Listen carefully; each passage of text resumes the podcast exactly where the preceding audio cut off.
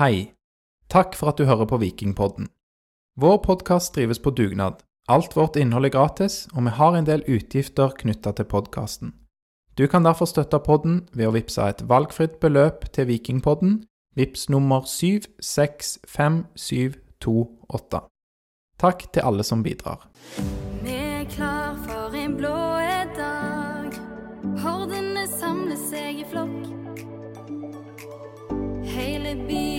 på samme lag, kledd i mørkeblått. Med viking, hvite og blå. Velkommen til episode 173 av Vikingpodden. Det er i dag 16. mai 2023. Viking har tatt en utrolig deilig seier i det jeg vil beskrive som en merkelig fotballkamp. Tre poeng, det er heldigvis eh, tre poeng, og nå kan folk feire 17. mai med de mørkeblå på en fin andreplass på eliteserietabellen. Velkommen til deg, Lars, læreren fra Madla. Kjekt at du er her. Takk eh, for det. Kjekt å være her. Og med oss til å dra igjennom denne kampen eh, en ikke helt ukjent mann for de som hører på Vikingpodden, Leif Tore Lindø. Velkommen til deg. Jo, tusen takk. Tusen takk.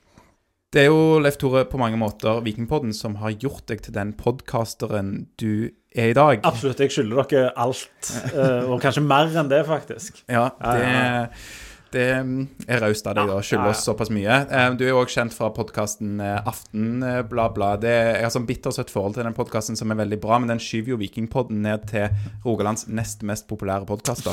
Ja, Det er ikke bra. Det er ikke bra. Vi må få gjort noe med det. Og vi tar selvkritikk på det. Jeg eh, kan herved annonsere at den legger vi ned nå. Så bare satser vi 100% her. Så deilig, da. Deilig, Ja. Nydelig. For du skal si opp jobben din i Aftenbladet òg, da? Ja, nei, den er allerede sagt opp. Er- Nei, jeg har sendt, sendt melding når vi begynte her. Ja, det- Det ble rett og slett for mye etter den der livedekkingen av Eurovision. Altfor alt for mye. Og så er det jo, altså Du kan gjøre mye kjekt her i verden, men, men eh, å holde på med Viking er jo bare kjekkere enn alt. Så, I hvert fall på sånne dager som dette, da. Ja. Og for de som da ikke fulgte Eurovision live med Leif Tor Linde, så er ikke det fleip, for du dekka faktisk Eurovision live i livechat på aftenbladet.no. Ja. Ja. Og jeg beklager det òg. I dag beklager vi alt. Ja. Ja, ja. Nei, eh, Så har du varmt opp i dag med å spille inn podkast eh, allerede, eller? Ja, ja, ja, ja absolutt. Eh, siste, det som da antakeligvis blir siste episode av den andre podkasten, for nå satser vi jo fulltid her, selvfølgelig. Ja, ja, Det er bra. Jeg, vi skal snart komme oss over på, på kampen. Jeg skal si litt om hva vi skal dra gjennom. Det er ikke noen store overraskelser for de som hører på Vikingpodden eh, jevnlig. Men jeg brenner inne med et sånn ikke-fotballrelatert spørsmål, og- og det er igjen til deg, eh, Leif Tore. For, for de som følger deg da i denne andre podkasten din, Aften bla bla, som den heter. Eh, de vet jo at eh, dere har snakka en del om dette kulturskillet mellom Hommersåk og byen. For Ja. du er jo vokst opp på Hommersåk. Det er ikke vits i å komme dragende med det, men jeg kan ikke nekte for det heller. Jeg, jeg, jeg er oppvokst på Hommersåk. Ja. Ja. Eh, og dere har jo prata en del i Aftenbladet om dette kulturskillet som er på type feiring av 17. mai og konfirmasjon. Da, Ja. At det, Hommersåk gjør det litt annerledes enn f.eks. Skjensvoll, da, der du bor nå. Så har du klart nå liksom å omfavne 17. mai-feiringen i byen? Har det vært en stor overgang for deg?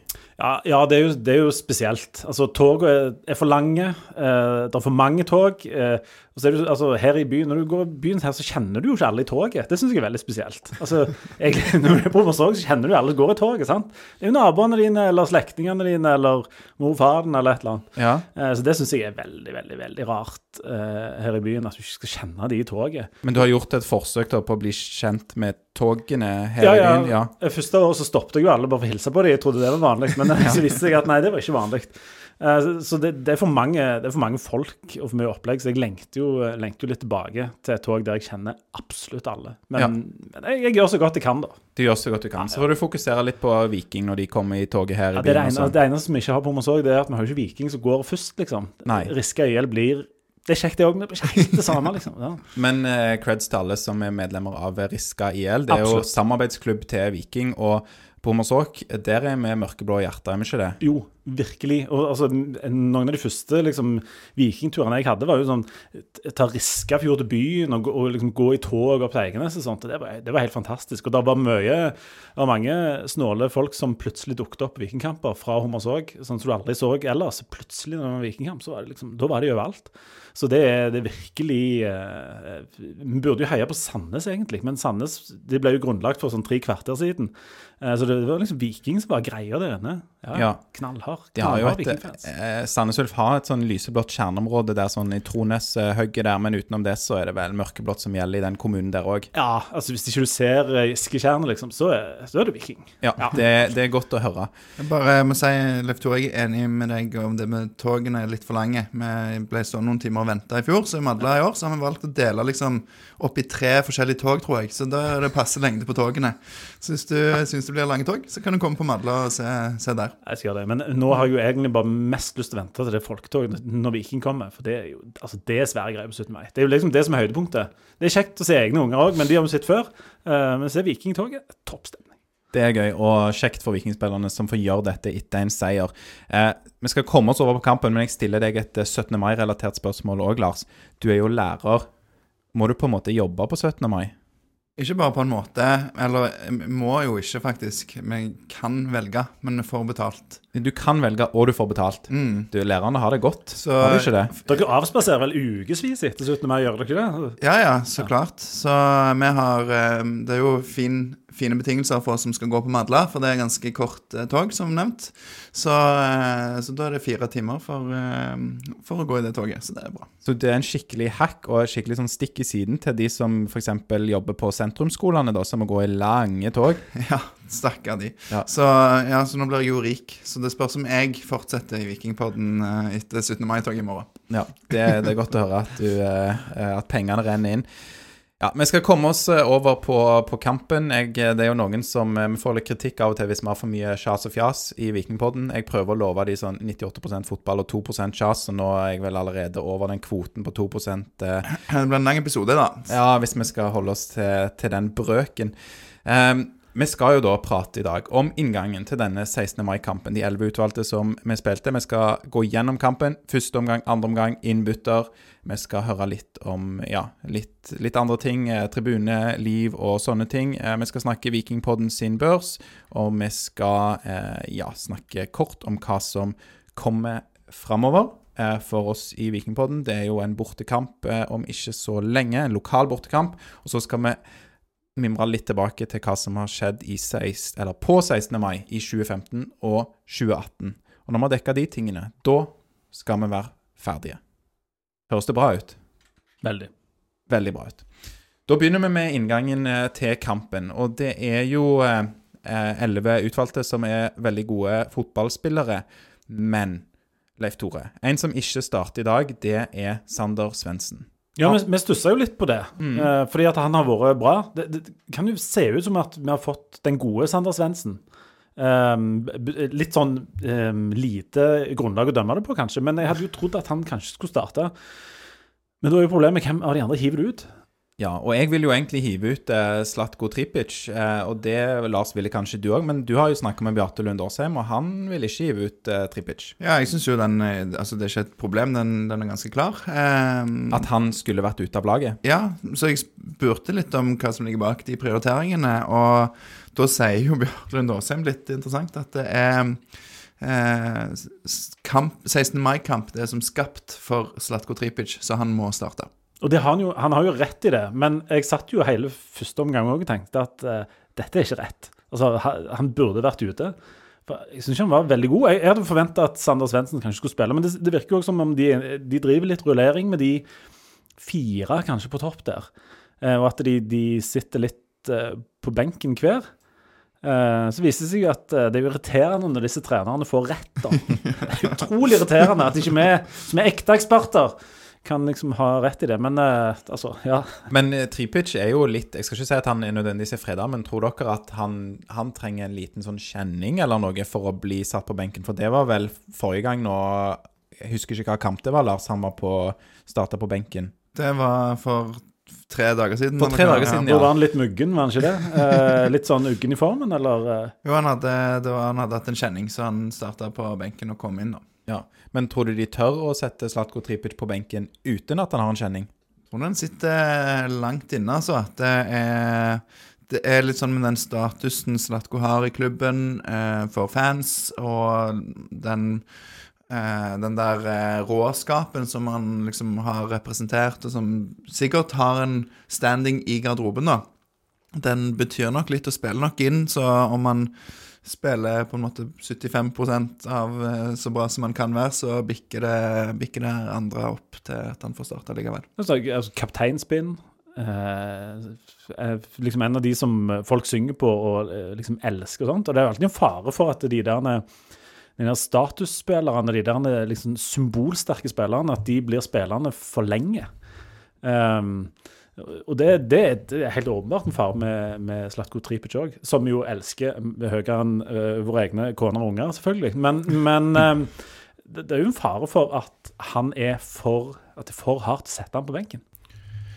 Ja, og du ser jo når han kom inn i Sandefjord, så er det jo bort til Brekalo å få det kapteinspinnet på sin arm. Så han er jo den ubestridte nummer én eh, sånn sett, og fus i alt på dødballer. og setter jo to straffer i dag, og ja. Ja, og er jo ja, kaptein, som du sier, Leif Tore, og litt sånn signalspiller og kanskje bringer med seg noe ekstra, da, selv om man kanskje ikke har levert f.eks. like bra som eh, Sander Svendsen til nå i uh, årets sesong. Ellers er det vel uh, ingen overraskelser, da. Det er vel den eneste endringen fra bortkampen mot Sandefjord. Ja, de har satt et lag. Ja. Og disse elleve eh, begynner jo egentlig ganske bra eh, mot eh, Odd. Synes du ikke det, Lars? Jo, det er litt som forventa, egentlig, at eh, Odd varierer jo presset sitt. Eh, de står litt høyt, og de legger seg lavt, og de er veldig komfortable med begge deler. Viking Store deler av første omgang så blir det jo sånn håndballspill, nesten. De står utenfor 16 og triller litt fram og tilbake, og så ender det av og til opp med et innlegg fra dypt i banen. Ehm, de skaper jo litt i første omgang, men ehm, Odd altså skaper litt?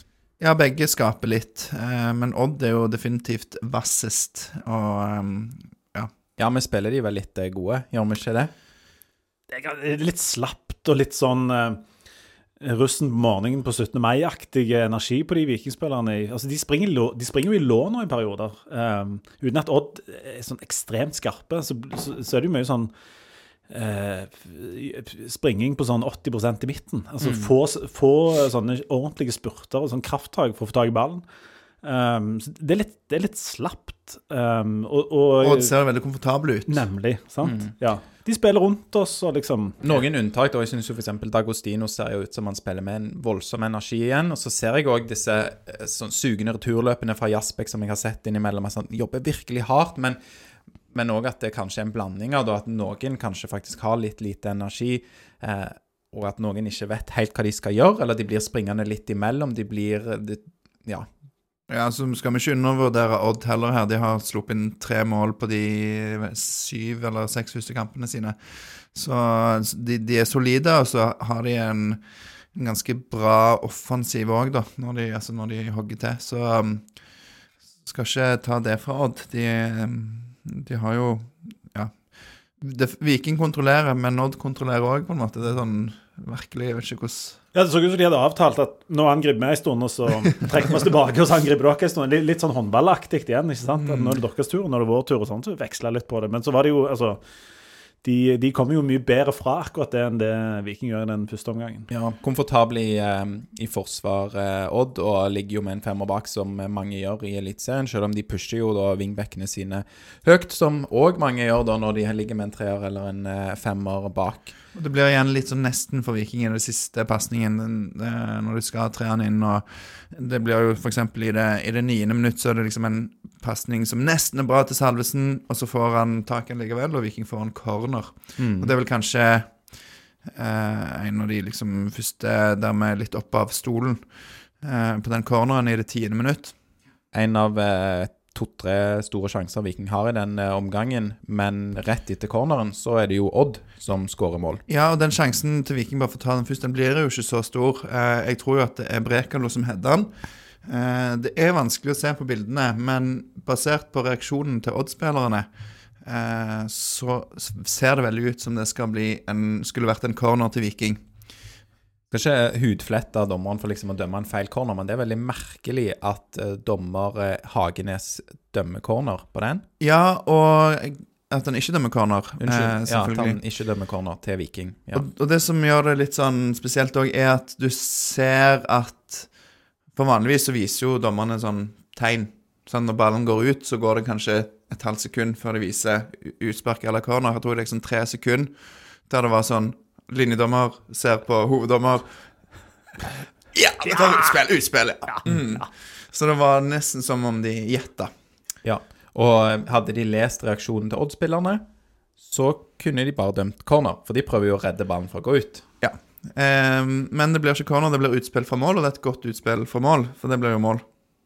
Ja, ikke direkte på utspillet, men eh, ballen eh, pumpes opp i banen fra keeper, ja. Ja, altså Stensnes vinner den første, men den går rett opp. Så eh, ruller Odd opp et angrep på venstresiden sin, og så er det et innlegg langs bakken fra jeg tror det er venstrebekken som legger inn der, og så den er jo, Det er jo ikke sånn superbra innlegg, for den går jo rett i beina til Stensnes. Mm, som egentlig kan klarere ganske enkelt. Det gjør han jo ni av ti ganger. Ja, For den er, Dette var den tiende. dette var den tiende. Men han har hatt en del sånne kamper under par i, eh, i det siste, synes jeg. Og dette var litt sånn symptomatisk for de siste kampene for Gianni Stensnes, som bare sleiver dette innlegget. Han gjør ikke det når han er i form. Nei, han gjør ikke det. Og nå sleiver han det rett til en uh, Odd-spiller, um, Jørgensen, Mm. som da kan putte ballen veldig greit i mål fra sånn fem meter. Ja, enkelt. Og han blir litt overraska sjøl, så det er egentlig godt gjort å, å sette han, for det kommer såpass uh, uforventa på han. Uh, og Stensnes er jo nære på å redde han med hodet når han sklir, og liksom få bare ansiktet ned i, i ballen, men uh, den går akkurat unna Stensnes og, og forbi Gunnarsson i mål. Klassisk drittmål å få imot. Det var sånn typisk mål vi eh, fikk en del av i fjor, eller sånn som vi kunne få mye av i fjor. Mm. Der vi gjerne begynner kampene best. Nå var det ikke sånn vi gikk ut i 100 i denne kampen, men det har vi sett en del kamper der vi går ut eh, i 100 og er gode i 10 minutter, og så slukner vi, og så skårer motstanderen. Men, eh, men en del av disse eh, fortellingene, da, historiene, kampforløpene, blir annerledes i år enn det de var i fjor, og det skal vi være veldig, veldig glad for. Så er det sånn at eh, etter målet til Odd, så er det vel Odd som bevarer litt av momentum. Har en corner, en veldig stor corner etterpå. Gunnarsson får seg en trøkk, for Odd vil så veldig gjerne ha ballen i, eh, i mål. Eh, og så, eh, så kommer vel eh, Viking mer og mer eh, inn i det. Er ikke det riktig? De, altså, de overtar, og så tenker vi at nå, nå, nå har Odd fått gjort sitt. Odd? Odd er jo verdens aller kjedeligste lag. Det å si det. Vanligvis er det jo som å spille mot en gjeng sånn A4-er, eller en haug med grus eller et eller annet. Sånn altså, de har jo en sånn garantist for kjedelige kamper. Eh, Men, men Viking begynner jo altså, Vi, vi kommer jo litt inn i det. sant? Vi har ballen. man. Vi har jo sånn, har jo et par mann på midten der som åpenbart trives bedre med ballen enn å springe i låna. sant? Altså, det er ikke hovedsakelig derfor de spiller fotball, for å springe i låna. Nilsen. Tangen, for eksempel. Ja, Ja. Solbakken òg er jo eh, sant? Eh, Vil gjerne ha ballen. Og når- vi får det, så tenker jeg at nå, nå kommer dette seg. Og vi har vel nærme oss litt, grann, uten at det er sånn kjempefarlig. Ja, det farligste vi har, er vel rundt det 28. minutt, når eh, en liggende Salvesen eh, avslutter rett på keeper. Jeg tror det er den største sjansen jeg har notert sånn eh, midt i kampen der, da. Ja, jeg har notert en uh, i det 22. minutt, uh, der det er Slatko som legger inn. Og så blir det litt sånn Dagostino vinner for da heading bak i 16-meteren på bakre stolpe. og Header på tvers foran mål, og den går liksom mot eh, litt mot mål. Eh, og der kommer Da har Harald Lillesen Tangen og Lars Jørgen Salvesen konkurranse om å være nærmest mulig ballen uten å treffe han. Ja. Så to mann kan egentlig sette den ballen. Ja, og jeg tror Salvesen er nærmest. Og jeg tror òg han, altså han har en god sak når han klager på dytt, for han blir liksom får en puff i ryggen.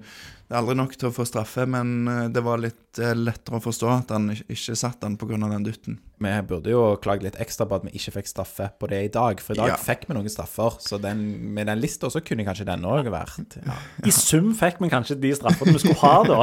Ja. Mens det var, så jeg fordeler det ut på fire situasjoner, så var det gjerne to, eh, to straffer. Jeg satt med en sånn følelse av at han, vår mann D'Agostino, De Agostino kanskje skulle vært på enden av noen av de der eh, sjansene. For han, han virka sånn hakket skarpere enn de andre i dag. Og det var, litt sånn ekstra punch i han, da, som kanskje Salvesen mangla. Og jeg mener fremdeles at eh, han er nok eh, nokså sugen på å være rett foran mål, han, og ikke utpå der, selv om han funker der òg.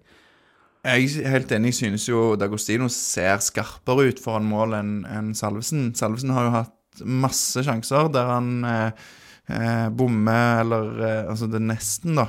Så jeg vet ikke hvem, hvem ville dere, hvis dere skulle satt en treer med enten Altså med, med de fire spillerne da, som har rullert på de, hvem ville dere Jeg vil jo i hvert fall si at man er nødt til å spille med Dagostino på kanten hvis man vil ha Salvesen på banen òg. Det virker kanskje åpenbart for mange, men setter du Salvesen på vingen, så eh, ja, da burde du benke han heller. Så han er, ser for meg ut bare til å fungere som spiss, og da skjønner jeg i hvert fall det valget.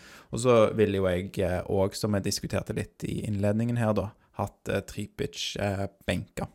Ja, men det er jo 16. mai, så Tripic må jo spille. Så da, eh, da er det litt sånn Ville du hatt Dagostino som spiss og Svendsen på kant, eller er du Ja, Nei, jeg eh, hvis, Ja, men må jeg velge Tripic, sier du? ja Tripic må jo Det er jo 16. mai. Det er jo 16. mai, det er en regel. Han må jo spille. Kan ikke begynne å krangle på det. Okay, ja, Det står i eh, Bibelen eller i grunnteksten eller i grunnboken eller et eller annet plass. Hva står i kontrakten hans? kanskje? Ja. Ja. At han skal spille på 16. mai, så han er frisk. Men Ellers hva, er det same same, men jeg skal spille 16. mai. Det står i kontrakten. men hva ville du eh, gjort eh, her, da? Du må ha Tripic på, på banen. Ja, det er vel et alternativ med å ha Tripic og, og Svendsen eh, dinglende litt på sidene, og ha D'Agostino i midten. Og benke Salvesen. Og Benka. Salvesen. sant? Men det er jo en sånn klassisk eh, tilfelle her der du har fire stykker som er eh, per nå eh, sånn, kanskje litt sånn jevngode. Eh, og, og eh, litt sånn luksusproblemer. Jeg tror for treneren sikkert vanskelig å vite helt hvordan de skal møblere de greiene. Men så er det jo er det jo også sånn at med mange bytter og sånt, så er det jo sånn at disse folka kommer ikke til å spille 90 minutter. Altså, du kan spille med én mann kanskje i 55 minutter, eh, og så endrer det nå. Det altså, vi har jo et eksempel på det i dag, at det kan være en nokså ålreit metode. Mm, Dag spilte jo, bortsett fra tripitch, så spilte jo de andre 90 minutter, da. Ja. Det var jo litt interessant når Svendsen nå kom inn, men vi kan komme tilbake til det. Ja, vi skal komme inn på det litt kreative grepet de gjør der med eh, Sander Svendsen, som for all del eh, lykkes. Og så vil jeg jo bare si at eh, i og med at vi er inne på dette med at på de tre fremmeste plassene på laget så har vi fire mann. Eh, det kan jo være at Sander Svendsen da har blitt eh, fortalt at du får ikke starte i dag, men slapp av. Du blir prioritert mot Forus og Gausel om ti dager. Det kan være. Da slår han seg jo helt klart. Og det står jo i kontrakten hans at han skal spille alle kampene mot Forus og Gausel, mens Slatko skal spille 16. mai. Så der Ja. er det en slags arbeidsfordeling, helt åpenbart. Ja. Absolutt. Ja. Så da, da blir alle fornøyde. Men eh, ja kan, Forhåpentligvis kommer aldri der at det sammenfaller, at, 16, at Forus og Gausel blir 16. mai-kampen. Ja, Det blir et helsikes show hvis vi skal spille mot Forus og Gausel 16. mai, selvfølgelig. Det tror jeg vi, vi satser på unngå. Her, ja, du må de sette ut okay, da, skal, da må Slatko stå i mål, da, kanskje. Jeg vet ikke om det står i kontrakten. Dette kan vi sjekke. Kanskje dere kan sjekke det til neste episode, da. Men for å finne ut det, vi får eh, grave litt i, i kontraktene til de forskjellige. Eh, så kan vi jo ja, Hvis vi noen gang skal spille 16. mai-kamp mot Forus og Gausel, så får vi håpe at det er fordi at de har blitt veldig gode og er liksom nummer to-lag i Stavanger bak Viking og har rykka opp til Eliteserien. Alternativet er jo bekmørkt. Ja, det er jo Det det. Det vil vi ikke snakke om engang. Så ja, Vi går videre, da. vi går videre. Um, Kjempegod idé å gå videre nå, faktisk. Eh, I det 38. minutt, så i første omgang, så får eh, Eller da blir Bjørsol bytta ut. Han har da fått seg en trøkk et eh, minutt eller to før, så det er jo kjedelig. Lars, har du noe status på, på den skaden som Bjørsol fikk i første omgang? Han er klar for eh, 17. mai-tog i morgen, og ikke noe farlig. Men det var en ganske hoven ankel eller fot i, rett etterpå. Så Ja. Det ble litt, litt sånn hockeytakla der, eh, Sondre Bjørsol. ah, den var ganske tøff. Det var en stempling i, eh, i Ja, rett på over vrista på ankelen der. Det var, så ikke noe godt ut. Det var sånn som du fikk på 16. mai på Hommersåk. Litt utpå kvelden så fikk du, mm, fikk du deg noen sånne. du klarer alltid å stille i toget dagen etterpå. Ja, det gjorde du, ja. ja. Men det er det som er egentlig grunnen for at du har, eh, har bytta beite til Kjensvoll, da, for der er det litt eh, tryggere og roligere. Så. Ja, altså Hvis du har flytta til Kjensvoll fra en enda mer usikker plass, så vet du hvor lista ligger. Men det er helt, helt rett. Det er godt Nei, å det er bra. han kan godt komme tilbake. Ja, han eh, har vært eh, god i eh, sesongstarten her, eh, Sondre Bjørsol. Eh, ja Vi er jo litt eh, farlige rett før Odd putter mål. Er det 43 minutter, og er det Tangen som avslutter med venstrefoten, har jeg skrevet her. Er det riktig, Lars? Har du dette i dine notater? Ja, det er, ja, stemmer det. Det er da et innlegg som blir hedda videre av en Odd-forsvarer. Han kule nummer fem. Eh, Per Egil Ahlsen. Er det ikke han? Husker dere Per Egil Ahlsen? Fra Fredrikstad. Ja. Han, jeg tror han hadde samme sveisen og litt sånn samme, samme kroppsbygningen. Jeg tror ikke han spiller. Jeg håper det, du ikke blir skuffa. Det er ikke sikkert det er Per Egil Ahlsen, altså, Ja. men, men jeg syns han ligner. Ja. Ja, Nei. han, eh, han, hadde en kul, han har kul stil, så han er liksom kult, kultspiller. Mm.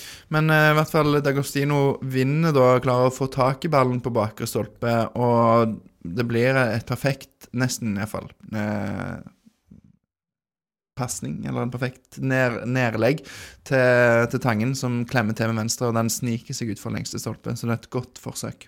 Ja. Men eh, det er jo akkurat på dette tidspunktet at jeg eh, går på do, og når jeg kommer tilbake For jeg, jeg, jeg blir så tisstrengt av koffein. Nå får jo alle lytterne vite dette. Vær så god for det. Eh, Jeg har drukket en del kaffe, så da bare må jeg i hvert fall på do. Og så er det 16. mai, så det er lang kø. Og når jeg kommer tilbake, da har jo Odd skåret et mål. Det, skjer, det pleier jo ikke å skje så mye Det pleier ikke å være så mye skåringer sånn på slutten av omganger. og sånt. Det skjer jo nesten aldri, så det er egentlig et bra tidspunkt å gå på do. Nei, du har jo jobba. eh, Da putter du jo et mål som egentlig er ganske fint. Det er litt uh... Det er irriterende å se på. Jeg har sett det i reprise. Det er litt sånn, De, de lar ballen gå, rett og slett, Ja. Odd. De får lov til det òg. Så litt uh, Så har vi vel en uh, Bjørsvold er jo ikke på banen lenger.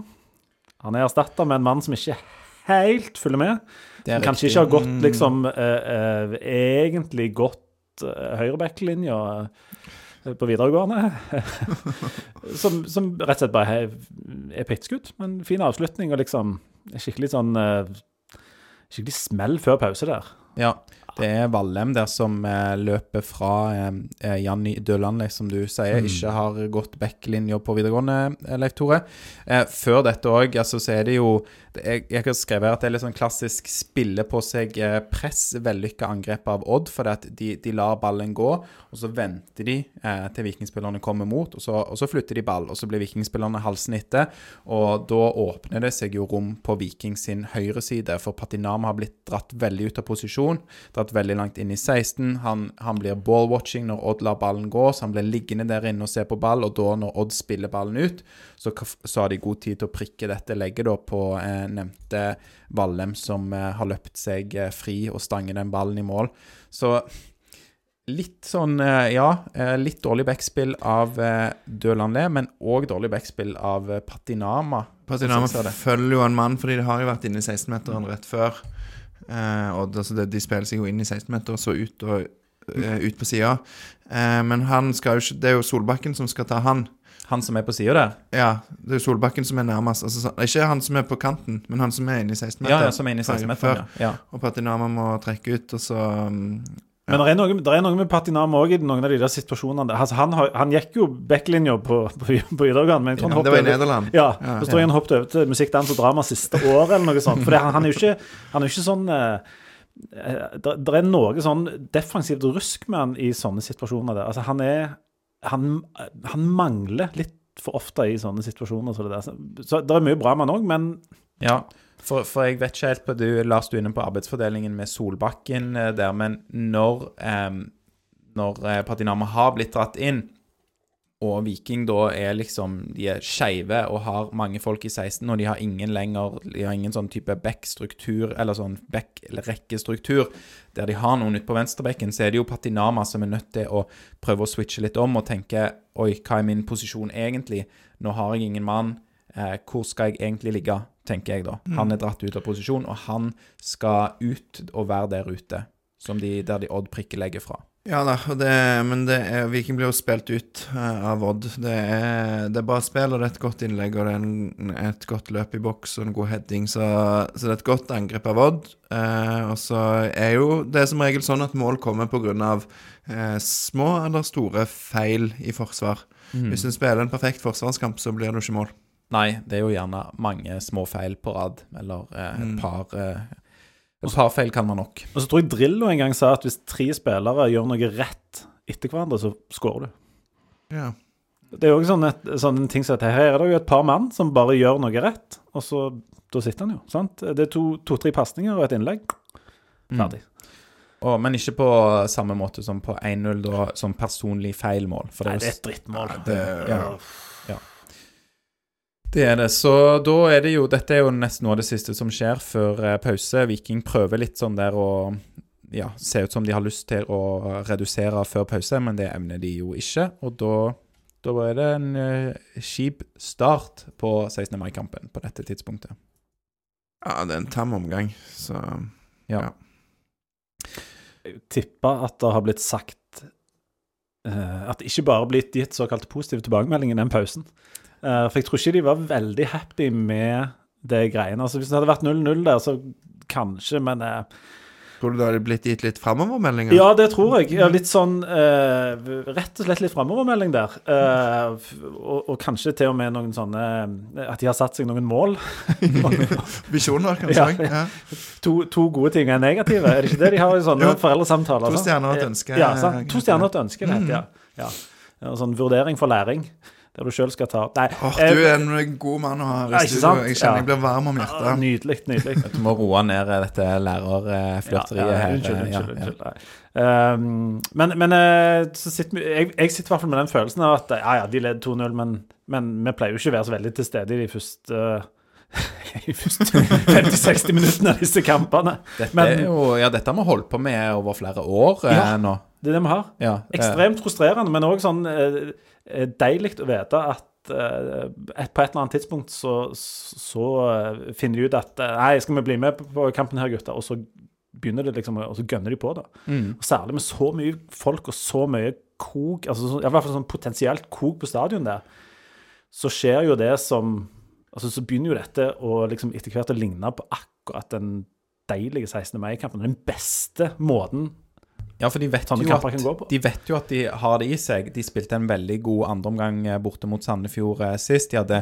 Og hjemme mot HamKam sist jeg var på hjemmebane. Ja, sist hjemmebanekamp eh, med, med Lars Mm. på, på tribunen der, så var det jo en ekstremt god, eh, god andreomgang. Så det er De vet jo at de kan. Um, Og de brukte dette aktivt med det med publikum, som du er inne på, Leif Tore, med at uh, hvis får vi 2-1 her, så eh, fyrer vi på publikum, og, og at de, det er med å trekke det i land, da. Eh, så, så det har, sa vel Bjarte Lund Årsheim at de brukte aktivt inn i, i, i garderoben i pausen, så så det viser jo hvor mye det faktisk betyr, da. Med folk på stadion som lager trøkk og liv, og Felt O i spissen for det. Så Men når de kommer ut av startblokken i andre omgang, da, så er de jo vil jeg jo si, bedre enn i første omgang, og de er mye mer dominerende, men de skaper ikke så veldig mye farlig.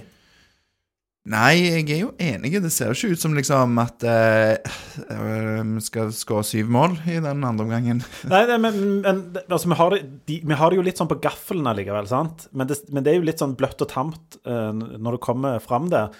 Um, og du tenker jo fort at ok, vi her trenger vi et eller annet, noen som snufler inn et eller annet, eller er litt medvind uh, for at det skal løsne. Og hvis du først gjør det, så, så har vi de. Så er det vel kanskje akkurat det som skjer, da. Ja, så syns jeg de kanskje skyter, tar litt mer uh, skudd enn det de gjerne gjorde i første omgang. I første omgang så skulle de ikke skyte før de var på fem meter, føltes det som innimellom. Veldig frustrerende noen ganger, for at eh, det ble ekstremt trangt. Vi snakket jo litt om det, men noe av det der finspillet de prøver seg på inn i 16-meteren, ser ut som en sånn artig treningsøvelse, men det kan ikke lede til noe, for det er så mange bein og ja. Mm. Så du har uh, Bjarnason som eh, prøver på seg på et skudd. Du har Tangen med et fint skudd i det eh, 49. minutt, som setter Valstedt på prøve, og som gir mulighet på corner. Som jo er en god eh, anledning eh, til å prøve seg på ting. Får sikkert straffe. Et For eller annet. eksempel. Et eller annet. Og eh, på en eller annen måte så blir det jo blåst straffe da på en eh, corner i det 61. minutt. Eh, jeg har ikke sett det så mange Eller jeg har prøvd å se det i reprise et par ganger, og jeg klarte ikke helt da å se Er dette straffe. Har dere studert det? Ja. Eh, hvis du er Viking-supporter, så er det, er, det, er det et straffe. Hvis du er Odd-supporter, så er det definitivt ikke et eh, Er det litt sånn tynt? Men er det, det er vel en sånn en, Det går an å blåse på den eh, situasjonen, er det ikke det? Jo, altså, men når jeg ser det på, på ny her, så altså, Brekalo er jo òg god på, på det, men Steffen Hagen har jo, har jo tar jo hodegrep på Brekalo. Ja. Eh, så at det blir gitt straffe der Jeg hadde blitt sur hvis jeg, eh, når jeg hadde sett dette på nytt, og hvis det ikke hadde blitt straffe. For hodegrep er fremdeles ikke lov. Etter den, til og med etter den siste revisjonen av reglene, så er hodegrep Med mindre du heter Slatko Tripic, da må det være lov på 16. mai. Ja, og selvfølgelig. Det står i kontrakten hans. Han har lov å ha sånne hodegrep på 16. mai. Men nei, det, det, det, det er greit. Greit Ja. straffe, det. Jeg tror at jeg, jeg så nå de der live-reprisene som de hadde under eh, TV2 sin livesending, da, som de viser kampen, for jeg har den på laptopen mens jeg er på stadion. Og der så var det dårlige repriser, men eh, godt at dere fikk med dere det hodegrepet, da. Ja, det kutter jo akkurat litt for seint på de nærbildene, sant? så du, du kommer inn litt seint i det, så det er litt vanskelig å se akkurat hva som skjer. Men den, ja. den er veldig grei. Og Slatko Tripic er jo fus i alt, så han skal ta den straffen. Ja, og nå begynner jo Jeg syns jo fram til dette tidspunktet så har ikke han hatt en så veldig god kamp i mine øyne, og jeg begynner å tenke at ja, jeg fikk rett for at jeg er sur fordi han ikke eh, var benka. Men eh, god straffe av eh, Slatko Tripic, og det vet vi fordi keeper går riktig vei, men ballen går likevel i mål. Ja, det er akkurat sånn eh, Det skal være godt plassert helt ute med stanga, og eh, jeg vet ikke om liksom har keeper sjanse i det hele tatt. Jeg vet ikke. Det, det, det, det er et bra straffe. Og her, det er jo her det dukker opp grunnen til at det står i kontrakten til Zlatko at han skal spille disse kampene. Fordi han, han- jeg, tror ikke, jeg tror ikke han tar Han tar ikke fem øre for å ta den straffen. Altså, han vil og, og, liksom Han kjenner at nå, nå, nå Den setter jeg. Den tar, ja, ja. Mm, sant? Og han setter 11 av 10 sånne eh, i, på 16. mai. Sant? Ikke mot Forus Gausel kanskje neste gang, men, men på 16. mai så gjør han det. Eh, og da, da tenker vi at det var, det, det var jo det som skulle til for at dette skulle bli for, at liksom Odd skulle bli et sånn et, et, en sånn ei pølse i grillsesongen. At vi virkelig skulle liksom eh, Da, da, var jeg, da var jeg, kunne jeg satt huset hjemme på at vi kom til å vinne den kampen. altså. Og det er jo som, eh, som Tore Pang sa etter eh, kampen mot eh, Strømsgodset, var det vel han var med, at eh, Slatko Tripic er Han er involvert både på godt og vondt. Og, sant? Han kan ha disse kampene der man er frustrert, og der man hvorfor, er, hvorfor spiller han i det hele tatt? Og så er det ja, ok, men så er det han som kommer med et eller annet. eh, Han er involvert og gjør noe bra og er ja, noe som blir utslagsgivende. Og i dag blir det jo absolutt eh, sånn, da. Til hans forsvar da, så skal jeg jo si at han har et par innlegg som er ganske fine i dag, og han eh, utfordrer og drar forbi en mann. Ja, det, det noterte jeg meg òg. Ja. Jeg vet ikke om det er første gangen etter koronaen han faktisk gikk forbi noen, men, men han gjør jo det. Også, og, det. og det er jo sånne Det er jo derfor altså, sånne folk er så høyt elska. Det er at når det først skjer noe, så er jo sånne som Slatko der. Enten i, på, på en måte i, i enden av noe, eller legge opp til noe, eller noe sånt. Og det er, jo, det er jo det som er så fantastisk med sånne spillere, at OK, jeg syns han var egentlig ganske ræva i 50-60 minutter, og så plutselig så handler det egentlig liksom om han der i forveien. Ja, nydelige, nydelige spillere. Jeg skjønner godt at det står i kontrakten han skal spille 16. mai. Jeg er helt enig. Bare forlenge den kontrakten. Det er veldig bra. Um, Men jeg, jeg, jeg er jo litt enig, du har litt troen på seier der og da, men det går ikke så mange minutter før jeg begynner å tvile litt igjen. Ja, for vi klarer jo ikke og Det blir ikke en sånn eh, ketsjup-effekt eh, her. Det er litt sånn vi er fortsatt eh, dominerende eh, og skaper vel noen eh, sjanser. Ehm, ja, Bjarnason har et skudd blant annet som han skyter mellom beina på en Odd-forsvarer, og keeper ser vel ikke utgangen på det helt, eller han klarer i hvert fall å redde det. Syns egentlig det er ganske eh, imponerende. Um, ja, vi, vi er liksom litt bedre enn Odd, men vi er ikke helt der vi bør være. Nei, og så er det litt her òg at eh, kampen det begynner å skli litt ut, for det virker som dommer Hagenes mister litt kontroll og gjør en del rare ting. Han dømmer plutselig frispark for eh, alt, og så for ingenting, og så et gult kort for det. Og så Det er litt sånn der hva, hva er det som skjer her? Så ja. Ja. Det er jo òg et litt sånn overfall på Dagostino i det 68. minutt, som sikkert mange som så kampen, husker når han ble liggende etter å ha blitt boksa av eh, keeper. Ehm, ja, vi, vi håper jo på et nytt straffe i den situasjonen òg, og mye sånn straffehåp eh, i dag. Eh, for meg ser det ut som keeper eh, treffer ball, og hvis keeper treffer ball, da er han jo freda. Da kan han gjøre hva han vil. Han gjør, han gjør det, men, men det ser jo litt sånn kickboksingaktig ut eh, der og da. At han rett og slett blir overfalt. Men jeg tror reprisene òg viser at det er OK. Det er greit. Altså, Keeperne er jo litt sånn i særstilling, og det er vanskelig det der når de går opp med hendene sånn og knekker de. Men eh, vi får skrive det på kontoen for at eh, neste gang får vi straffe. Ja. Neste gang det skjer noe, da Det er jo bra. Det er jo sånn, det er sånn, skal man, det det er sånn man skal dømme straffer. Ikke det? skal, Ja, akkurat det. Du samler opp. det er en slags sånn tre corner Ja, ja. Ja, Akkurat det, akkurat det er det. ja. Så fylle opp glasset når det renner over. Da er det straffe til, til slutt. da blir det til slutt, ja. Så Men- det er bra. Mm. Men jeg fikk, ikke, det, jeg fikk ikke helt med meg akkurat når det skjedde, fordi det var på det tidspunktet Var du òg på do? Altså, det er enorme dogåing. Nei, nei, nei, nei, nei, nei, jeg var ikke på do. Jeg måtte på do, men jeg holdt meg helt til jeg kom hjem. Det. Fag, det er faglig sterkt å holde seg. Ja, takk, Ja. takk. Ekkelt Um, med sånn blæreskøy, syns jeg. Det kan du Ja. ja, nei, men Jeg trenger har, ikke snakke på mer. do, jeg har ikke vært på do siden søndag. Jeg bare nevner det. Yes. Ja. Hva dag er det i dag? Nei, jeg vet ikke. jeg. Men uansett, eh, det var da en eh, kråke som hadde tatt seg inn på, på banen. Den, eh, den var litt i fokus, og akkurat da hadde vel òg speaker Øyvind Jacobsen bedt om at den skulle bli fjerna, så jeg trodde at spillet var stoppa. Men det var, for grunnen til at jeg sier det, er fordi at det var en Nå forsvant det for meg hvem det var, men det var en av våre følgere på Instagram, tror jeg, som kommenterte at det var ulykkesfugl for Odd. Fordi den kom på banen når det var 2-0 til Odd, og forsvant når det var 3-2 til Viking. Oi. Viking Så- må få signert denne fuglen. Rett og slett en, en Hører du, Bjørne? Den, den kråka der, den, den skal ha kontrakt.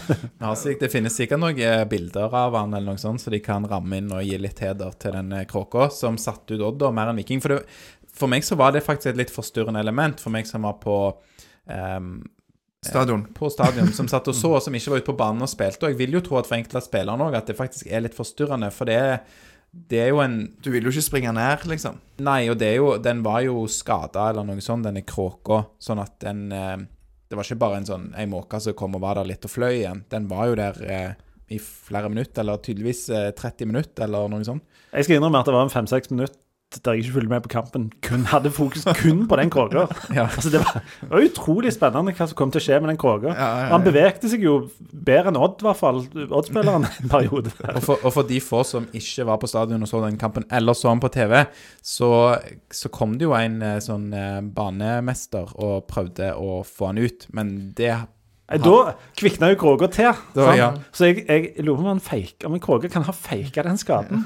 At det var rett og slett for hale ut tid, eller Ja, den kunne jo fly. Det var noen Ja. oddspillere som gjorde, gjorde det, så det kan være at, de, at, de, at han eh, hadde lært. Ja. Jeg snakket for øvrig så vidt med han eh, banemannen, og han eh, klagde på at det var feige lag, for eh, fuglen hadde vinger. Så Ja, og han er jo banemester, eller banemann. Eh, han er jo ikke fuglefanger. mm. Så, Men men Fuglen han, hadde, fuglen hadde vinger, viste det seg altså. ja, så han, eh, Dette er han gra gravende journalistikk.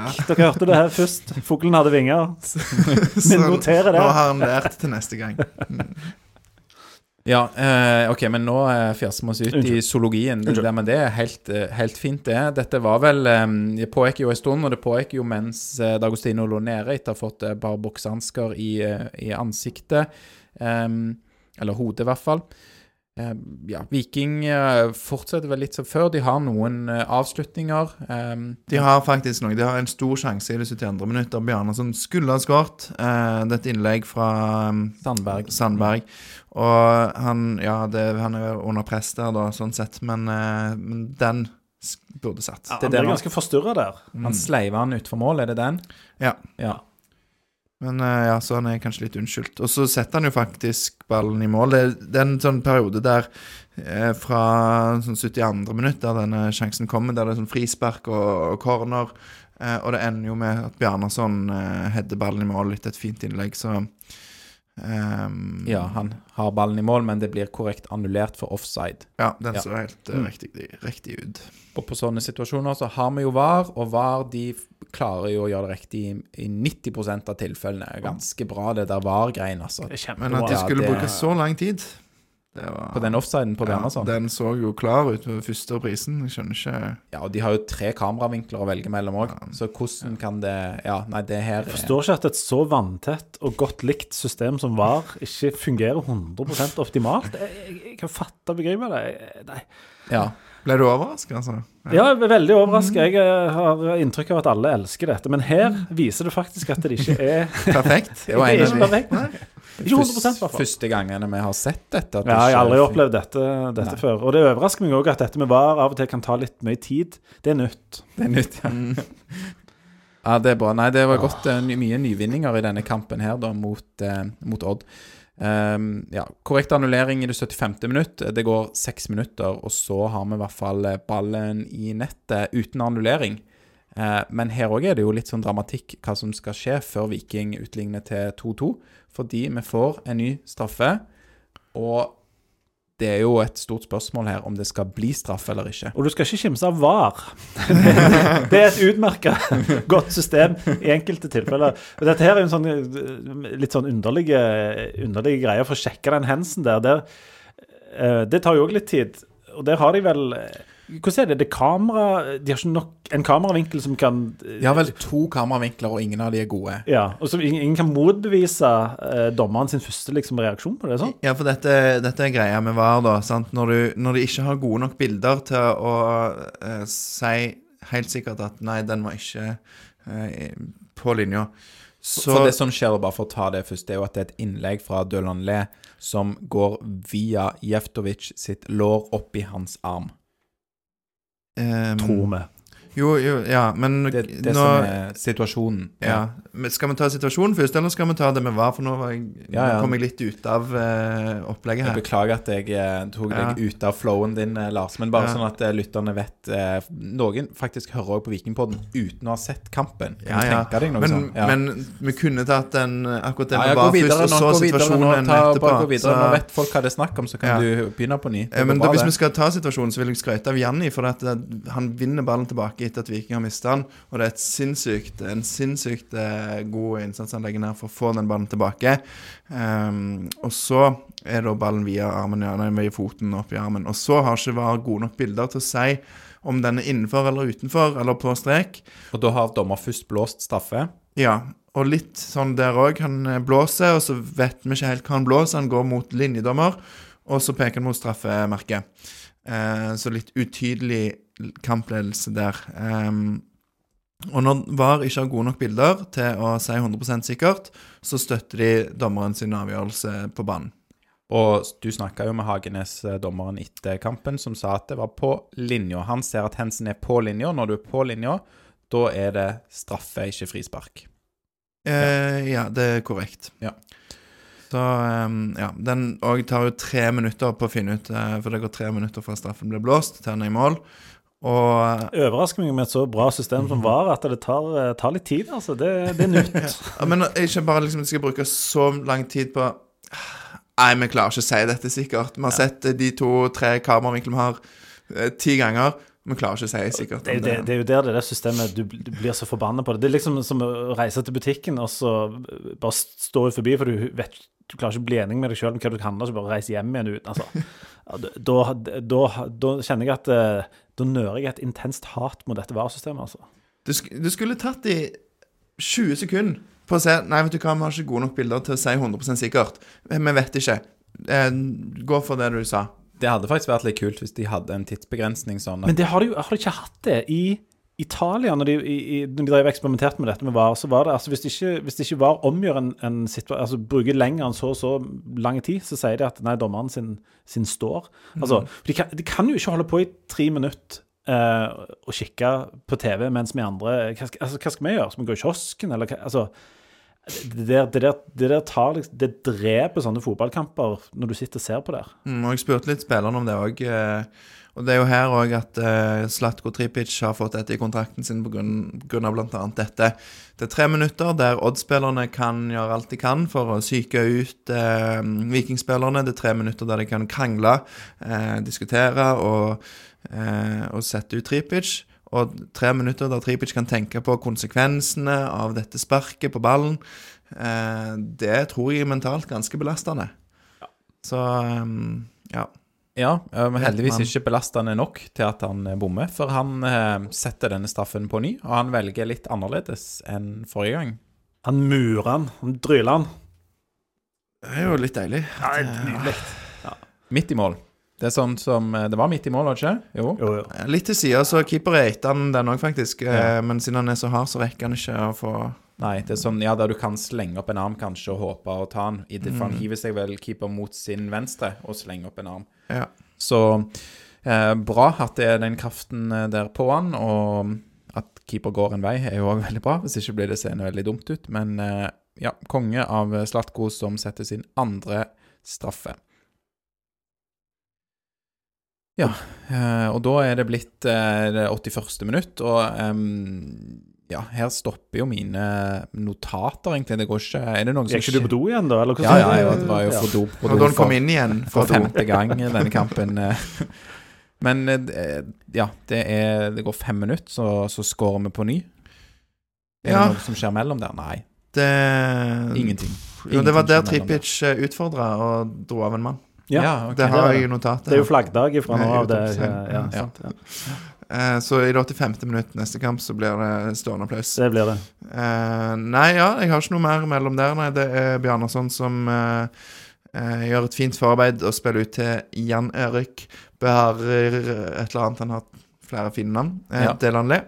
Og det er et veldig, veldig fint innlegg. Kjempefint. Og det er en veldig, veldig fin heading. Ja, ja. Utrolig hodestøt av Svendsen der, som Ja. Som står helt alene. Jeg tror Ja. ikke han trenger Jeg tror ikke han trenger det lette. Jeg tror han bare står der og så bare Ja, han har mange venner i dette Odd-laget, så om det var det som gjorde det, eller at kanskje ikke så gode venner, jeg vet ikke. Ja. Nei, han, eh, han bare prikker på hodet og tverrlegger inn, er det ikke det? Ja, helt oppi der, så konge. Ja. De lo litt av han da, at han hadde skåret på hodet. Eh, mens jeg sto og ventet på å få snakke med han, så var det noen som kom bort og av de Ja. de oddspillerne. Han er gjerne ikke så Han har gjerne ikke Gikk ikke på sånn hodeavslutningslinje på videregående, han eh, gjorde han det? Så på heddelinja, gjorde ikke? Nei, Eller stemmer så er det sånn at du Ja, du kan jo òg gjøre det, kanskje for å kompensere litt for at du ikke har flest centimeter. For du ser jo Nick D'Agostino. Han eh, kan ha gått på den linja. Han er rå hodespiller og ikke så kjempehøy, så men her, han gjør jo i hvert fall rett, eh, Svendsen. og Han trenger jo ikke hoppe seg så veldig fri, som du sier, Leif Tore. Han er alene, og han eh, setter hodet til. og En Og veldig fint støt, hodestøt. Og han virker som en sånn smart eh, spiller. Altså, eh, det der med at du tilfeldigvis står på rett plass, er jo aldri tilfeldig. Mm. Sant? Du, du, du, han er jo der av en grunn. At der, er- han lukter et eller annet, eller vet at eh, her kan der og han, han virker som en sånn type. At Mm. han kan, eh, kan godt være der.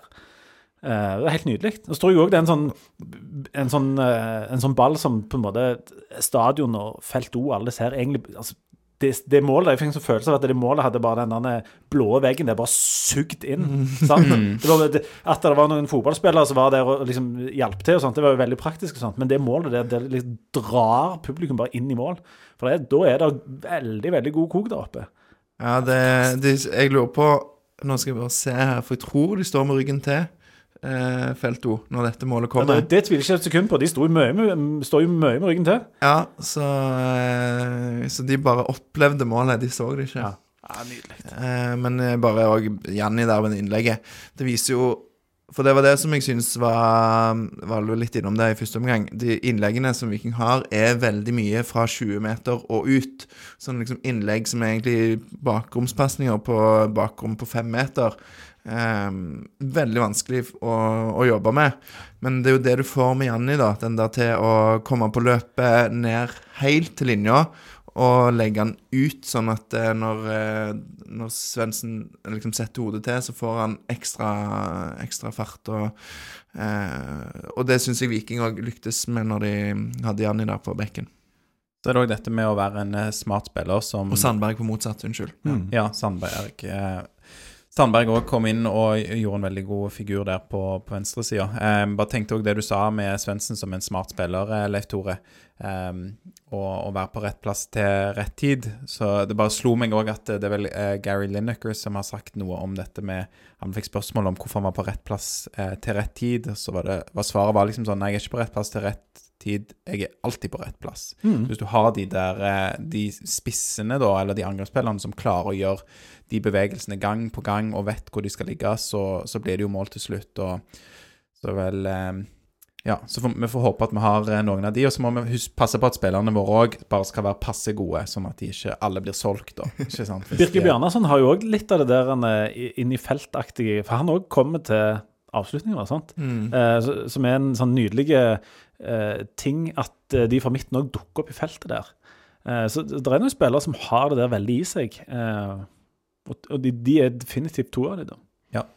Og Kristoffer Løkberg, som skåret mål forrige kamp, som absolutt har eh, mål. eh, Og Bjørsol viser det seg jo, har jo en egen Han har jo spisskompetanse på, Ja. på liksom å, å, å dukke opp. Han går på de løpene veldig mye og ble ikke brukt eh, når han gjorde det i dag, spesielt i første omgang. Så Det er vel òg noe jeg merker meg, da, at jeg syns Bjørsole er mer disiplinert i, i den type bevegelser og, eh, og disse inn i boksen-bevegelsene. F.eks. når Sandberg kommer inn, da, nå er det riktignok ikke de som, som bytter, for Sandberg kommer inn på venstrekanten, men Sandberg tar mer av disse klassiske overlappløpene med Slatko Tripic på den sida, ikke de eh, i samme grad som Bjørsvold f.eks., rett inn i boks for å være på en avslutning fra motsatt side. Så jeg syns jo eh, Sandberg var god og kom på noen farlige innlegg, men òg at det kunne bli litt statisk eh, på hans side da etter han kom inn. Eh, litt fordi ja, han, han velger det litt mer. Han, han tar ikke alle, alle mulighetene han får, da. Akkurat som det er litt mer sånn eh, sikkerhetstankegang fra eh, Niklas Sandberg. Men eh, siden vi snakker litt om både Sandberg og Svendsen som kommer inn i dag eh, Sandberg som venstreback igjen, og Svendsen som indreløper, eller eh, Ja, jeg- Janni på bekk igjen. Altså, der er Ja. Så den tvinger seg jo fram. Vi kan jo ta dette med byttene, da. Altså, Janni tvinger seg fram, ikke sant. Eh, Bjørsol skada, og den er grei. For eh, nå vet ikke jeg, nå har jeg gjort dårlig research, men Herman Haugen, var han på benken igjen? Jeg mener jeg så traktoren eh, pløye langs eh, sida der. Stemmer det? Han Han var på benken. Ja. Ja, Ja. Men har jo ikke da hatt Han har jo hatt skade nå, og så har han ikke fått kanskje den sesongstarten han håpte på, sånn rent sportslig, det han har vist på banen. Eh, men innbytterne, ja, Lars eh, Bjarnason og Sandberg kom jo inn i det 45. minutt. Eh, og de byttene er jo for så vidt greie, er det ikke det? Jo da, ja, altså Jo. Sandberg er jo ikke en klassisk venstreback, i hvert fall ikke en firer bak. Men hvis, du har, hvis, det er to, hvis de vet at de, de, de kommer til å dominere, eller tror det, så har du, har du eh, disse to kantene. Uh, altså Du har Tripic og du har Diagostino, som ikke er sånne driblefanter og, og, og hele tida går ned til linja. Ehm, så får du jo to spillere på hver sin kant, altså på hver sin back, som kan gjøre det. Og, og, og Tripic og Diagostino kan trekke lenger inn. Så det er jo noen sånne Du gir jo og tar litt når du setter inn sånne folk på, på backene, men i, i, vi får jo faktisk um, litt gevinst av det i dag, da. Absolutt. De har jo truffet kjempebra med byttene de eh, siste kampene, i hvert fall som jeg har vært på. Så um, Og Jasbekk har slukna litt utover i sesongen. Hadde ikke sin beste kamp i dag heller. Sånn greit at eh, ja, Jeg syns ikke han spiller dårlig, men det, det er jo det off, altså den der eh, kreativiteten, da, og med, det med Bjarne som, som han viser med at han kommer til litt mer avslutninger. Han har den eh, det forarbeidet på, på 3-2-målet, der han dribler fire mann, og så legger han ut til Janni. Eh, det gjør ikke Jasbekk på samme måte. Så, um, så Bjarnason kan bli en eh, viktig mann utover i sesongen, tror jeg. Absolutt. Og så var du jo inne på dette mest kreative grepet som de gjør, eh, Lars Svendsen nå, indreløper. For her skal ingen, verken Dagostino eller eh, Tripic, byttes ut. Så da er det indreløper. Ja, Tripic bestemmer jo sjøl når han skal bli byttet ut på 16. mai. Ehm, men eh, det, jeg, det er litt sånn hva, Hvordan spiller Viking? Jeg, jeg eh, klarer ikke helt å liksom sette fingeren på Men det ser jo ut som han legger seg som en indreløper. Ja, de, på slutten der Ja. så ja. De, de, de, de har jo nesten altså Helt på slutten, der, når de virkelig trykker og Odd er liksom egentlig ferdig, så, så er det jo litt sånn Nå er 4-2-4 nesten, med Solbakken og Bjarnason. Og så, Ja. ja. Eller en sånn 2-4-4-aktig ting. Altså, de, de ser jo litt ut som, eh, som eh, Manchester City på en sånn eh, trøkkedag i, liksom, i, i formasjonen der. For det er jo egentlig bare alle mann til pumpene. Um, og spiller med skyhøy, altså ganske høye backer og, uh, og sånn. Svendsen skal jo bare inn og, og ordne opp. Og en sånn ekstra spiller litt sånn overalt. Og Tripic trekker lenger inn, han er litt sånn overalt. Mm. Um, Jeg følte jeg så det med, med Dagostino. Kanskje både han og Tripic var inne, da, men når jeg eh, merka meg dette, så var, eh, så Dagostino og Salvesen ut som, som spisser, da. Og da ble vi veldig vridd og hadde en veldig sånn tynn høyreside der eh, Birker Bjarnason eh, nesten var kant. Altså, så det var, ja, det var mye rart. Eh, det kan godt være det er bevisst, og at Dagostino har fått beskjed om å gå inn, inn i midten mer. Jeg mistenker jo at han bare har veldig lyst til å skåre mål, eh, Dagostino her. Det Og- tror jeg òg. han er Jeg tror det er veldig sugen på å putte et par Han er mål. Han er jo spiss. Ja, absolutt. Absolutt.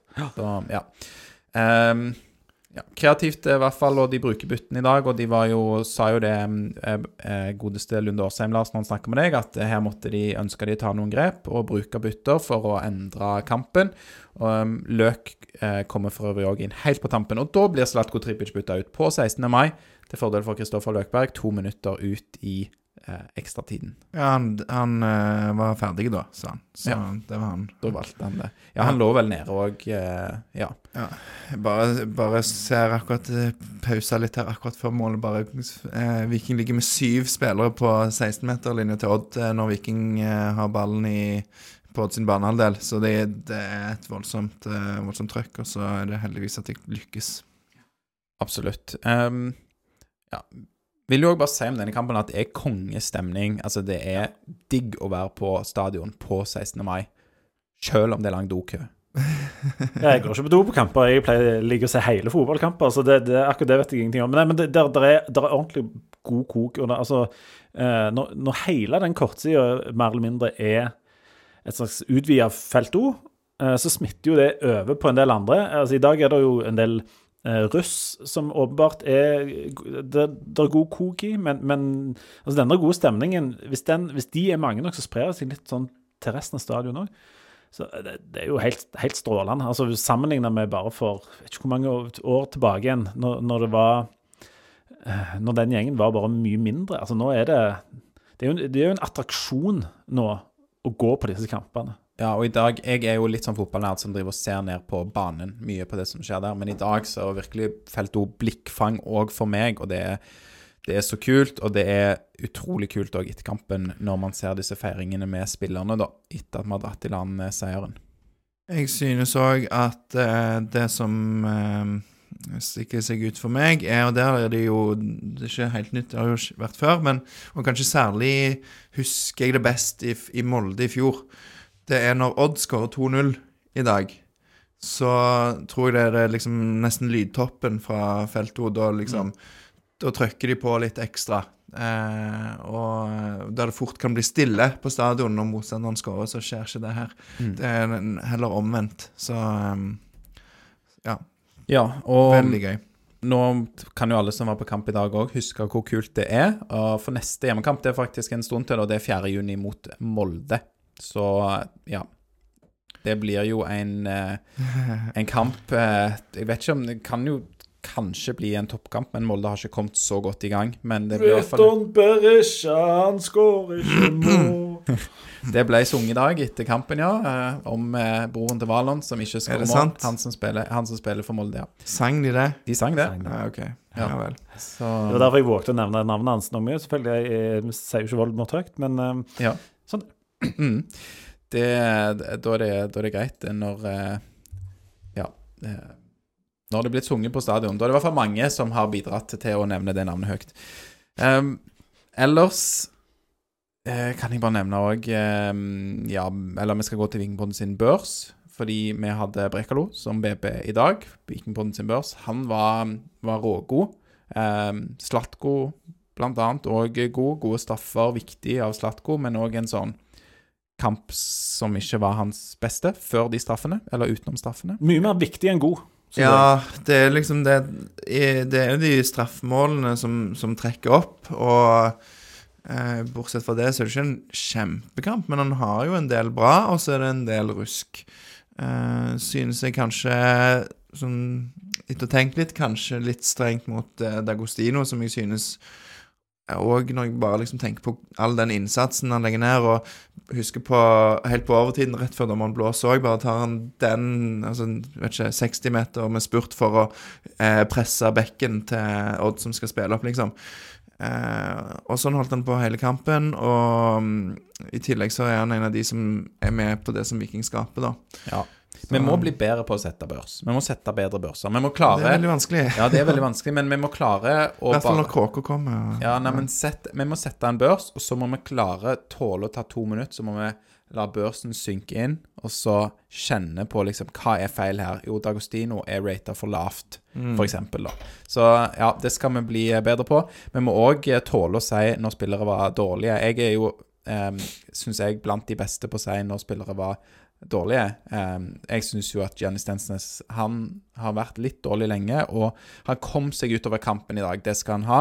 Men han hadde jo denne grusomme på 1-0 til Odd, og så var det en veldig upresist pasningsspill, i starten av kampen, altså. Der de andre spillerne på en måte treffer, og ballen går langs gresset, så er det dårlig kvalitet av Stensnes på, på de basic tingene der, men han hever seg, da.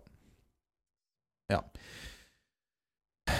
Ja, nei, men for å oppsummere denne kampen, da. Eh, jeg synes at vi er uheldige og udyktige som slipper inn eh, to. For Odd har ikke så veldig mye som de, de skaper. Eh, og så er vi heldige og litt gode som klarer å snu det. Men i dag så har vi kanskje de marginene som vi har mangla i en del kamper. Og så er det, altså, tipper hvis du, hvis du begynner å summere stats og sånn for den kampen, så um, bør vi nok vinne den, vil jeg tro. Um, det er forholdsvis effektive når de putter de to målene. Uh, Og ekstremt tamme i andre omgang. ekstremt tamme. Altså, og, og, og direkte dårlige i, i, i andre omgang. Virker, virker jo kvassere kvasser og sånt. Um, men, men det fortsetter jo litt i den stilen. Altså, Viking har jo, Det er jo døgnåpent i alle ender der. sant? Altså, Vi, vi skårer en haug, og vi slipper inn en haug og sånt, som jo gir uh, morsomme kamper. Men jeg vil tippe at de sånn internt kanskje har uh, kunne tenkt seg litt mer eh, på en måte kontroll, og at eh, vi òg begynner tidligere. Altså, først, altså ikke ha sånne å Komme inn i det der at du alltid skal havne bakpå. Og, og, og, for du, du kommer ikke til, alltid til å klare å ta det igjen. Nei, du gjør ikke det. Og det som vi var litt inne på, det har vært en trend over en lang periode. Og hvis du da har en eh, dårlig periode framover på banen, noe som Viking hadde et halvår i fjor, så Ja. ser det ikke bra ut. Så nødt til å være litt mer solid og litt mer gjerrige. Um, som du sier, Leftor kanskje alltid havner bakpå. Eh, jeg er jo litt glad i um, sånn expected goals-statistikk, forventa mål, altså hvor ut ifra skuddene man eh, tar, eh, hvor mange mål er det forventa at man skulle skåret. Og i dag så er jo Viking på 2,8 mål, men det lyger jo litt, fordi vi har to straffer. Og et forventa mål når du får straffe, i hvert fall på den staten jeg sjekka på appen Fotmob, det er 0,79. Så får du en straffe, så går 0,79 da av den straffen inn, altså 79 eh, av straffene går inn. Så trekker du vekk de to straffene, så er jo Viking på 1,2 forventa mål. Eh, som ikke er sånn kjempebra. Det er høyere enn Odd, som har 0,74, men ideelt sett så skal du òg eh, skape litt mer og komme til flere farlige avslutningsmuligheter for å være sikker på å vinne kamper som denne. Så Av og til så er det det at man ikke tar de sjansene man får, men denne kampen òg, så er det rett og slett at du ikke skaper nok og kommer til nok eh, farlige skåringsmuligheter. Ja, den Altså Det er jo sånn Vi har jo vært inne på dette mye før, men sånn som Sander Svendsen sin har jo veldig lav XG. Den, altså den har 0,1. Eh, Headingen hans, Ja, eller 0,15 er det faktisk. Ja. Og 0,07 expected goals on target, for det du som liker det. Ja, Så, eh, så det, det er jo liksom den Det sier jo noe om kampen, men eh, når du har gode avslutter, som du liker å si, så går det inn likevel. Ja Um, det er jo for øvrig òg veldig interessant med dette expected goals, og som du nevner, Lars, expected goals on target. Det ene er pre-shot, og det andre er post-shot. Skal ikke gå veldig i dybden på det nå, men eh, det er, det er veldig gøy. Og det er, det er en kul sånn nyvinning da på statistikk, eh, fotballstatistikken som har kommet de siste hva er det, fem-ti årene, eller hva det er. Um, ja. Um, jeg bare har en liten ting til slutt, for vi har jo snakket litt om dommeren i dag, som jeg synes gjør en del rare ting, og ja, merkelig liksom kampledelse. Fint med vikingøyne, men hvis du hadde hatt Odd-øyne, så hadde det nok vært enda verre. Ja, han treneren til Odd, han, var, han skulle inn i garderoben der, det var han ganske klar på. Han uh, virker ikke spesielt happy. Um, så jeg tok en prat med Kristoffer Hagenes. Uh, veldig sporty og fint at han stiller opp. Men det gjør av og til dommere, og ikke alle, men noen. Og han gjorde dette veldig sånn på forhånd. Så, ja, men hva vil du Hva situasjoner vil du snakke om? Ja. For eh, vanligvis når jeg gjør intervjuer der nede, så er det Kan du Har du to minutter? Og så sier de ja, ja, selvfølgelig. Og så begynner vi bare å snakke. Men her var det Nei, det var den. Og så Ja, hvilken situasjon? Ja, nei, den situasjonen der. Eh, ja, OK. Uh, og så ville han gjerne jeg skulle si litt mer om hvorfor jeg ville spørre om det. Og, og så sa jeg de to jeg tenkte på der og da. Og så sier han ja, men jeg kan godt kommentere de to situasjonene. Så det var liksom veldig sånn eh, Veldig Ikke ta noe annet på sparket, liksom. Nei, det virka ikke Han, han virka ikke veldig gira på, på liksom eh, at jeg skulle komme på noe mer å spørre om utover det som jeg hadde forberedt på, på, på forhånd der. Så, og det syns jeg jo er litt interessant. Ja, jeg syns òg det er interessant. Det er òg for øvrig interessant eh, og bra at du får tatt intervjuet med han, eh, Lars. Og eh, spesielt når han forklarer den andre straffen til Viking, den som er på, på strek, der ballen går opp i arm, så stiller jo du et godt spørsmål, som er nettopp dette med at innlegget går via fot og opp i arm. Eh, så jeg anbefaler folk å, høre det, eh, for å få det litt forklart. Og for det som han òg sier i intervjuet, hvis du klarerer, hvis du har ballen inn i 16 og klarerer opp i egen arm eh, som forsvarsspiller, så er det ikke straffe. Mens her er det på en måte det samme som skjer, men han sier jo at det er litt annerledes fordi at du har, du har så stor fordel av å gjøre kroppen større på et innlegg, så ja, det syns i hvert fall jeg var interessant å få forklart. Men jeg synes på, på, i dag, sånn som veldig ofte, syns jeg dommeren blir bedre når du kommer hjem og får sett en del av disse tingene i reprise. Altså, jeg syns alltid de kommer hakket bedre ut av det enn jeg tror jeg, jeg tenker jo at Når de blåser av, enten med vunnet eller tapt, så tenker jeg at de, de, de er helt håpløse, helt idioter. Så går jeg hjem og ser det, så tenker jeg at de, det er ikke så gale likevel. Men han hadde det, var en del sånn halvvriene situasjoner som man måtte forholde seg til i dag. Alle disse straffetingene, f.eks. Det er ikke sånn eh, Det er vanskelig. Det er ikke klokkeklart nødvendigvis absolutt alt der. Så eh, det kan godt være at han kan heve lønn med, med god samvittighet, tross alt. Jeg vet ikke. Men jeg synes også bare sånn Når jeg eh, da forteller den situasjonen Jeg vil spørre han om eh, når D'Agostino blir boksa i ansiktet, eh, så sier jeg ikke det akkurat sånn. Jeg sier han for når han, får, eh, når han blir slått i fjeset, eller når han treffer han i hodet. Jeg husker ikke akkurat hvordan jeg spør. Så er det sånn Ja, treffer han han i hodet? Han er Sånn, på angreps... Uh, ja, liksom um, Ja Ja. da er, det, er vi uenige om det, liksom? Er vi Ja, uenige om han ble truffet i hodet? Ja.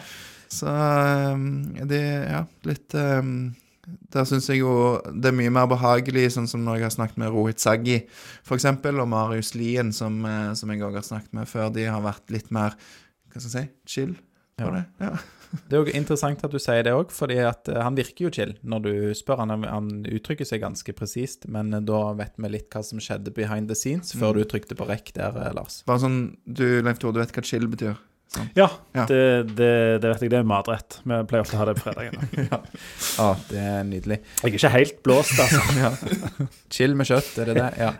Ehm, yes. Nei, men vi skal si, eh, gå kjapt tilbake litt i vikinghistorien og ta et par eh, mimringer på noen litt eh, kule ting som har skjedd på 16. mai tidligere år.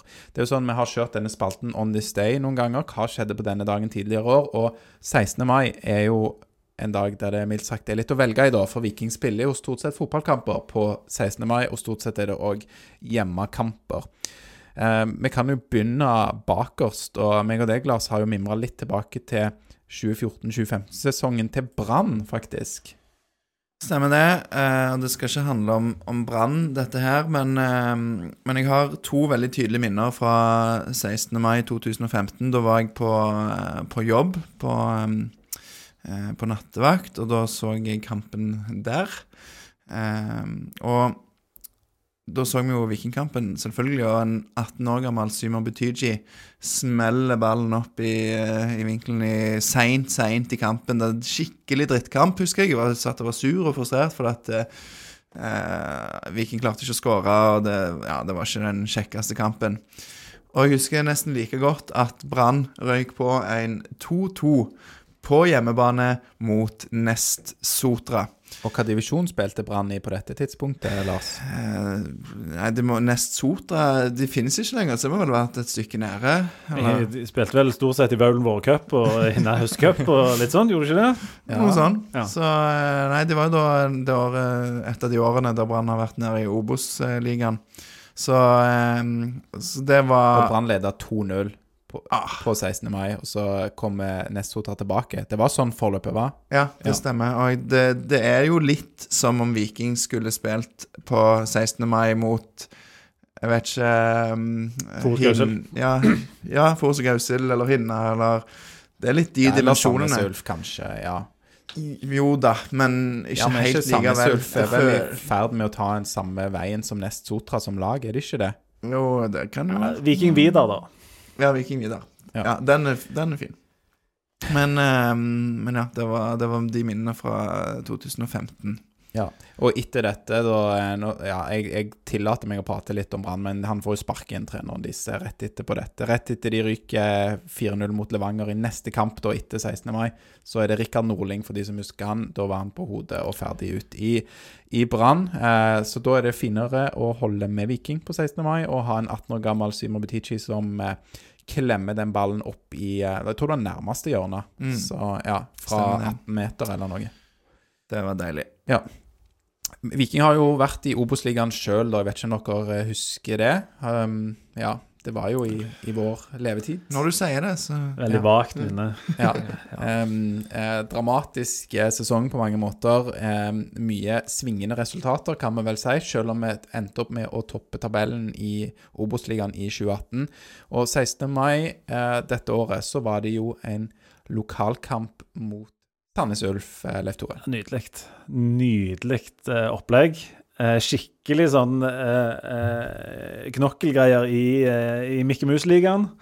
Um, og Viking en, Det var jo den tida der de gjerne begynte litt godt. altså Her spilte de vel fra starten. Jeg, jeg måtte dobbeltsjekke litt, men vi kom litt som, som rakett ut av startblokkene der.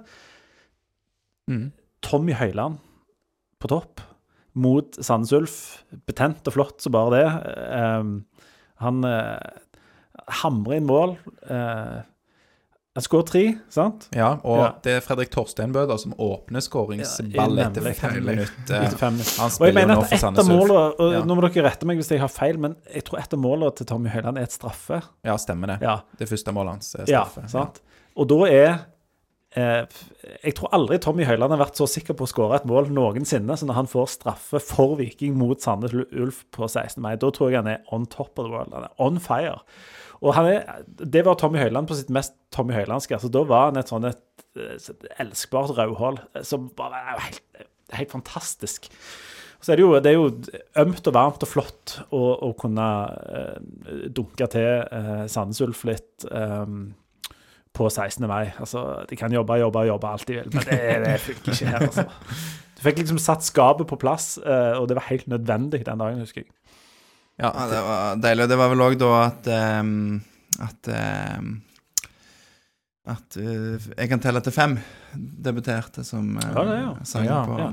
på anlegget. Mods-sangen 'Meg må du hilse på', som har denne strofen 'Jeg kan telle til fem', som er veldig gøy når Viking skårer fem mål. Ja. Eh, og det skjer jo innimellom. Så ja. Så det var kult. Eh, Julian Ryerson putta òg for eh, Viking i den kampen. Ikke et helt ukjent navn, en god fotballspiller. Mange, mange gode som spiller i Viking, og som har spilt i Viking og tatt steg etterpå det.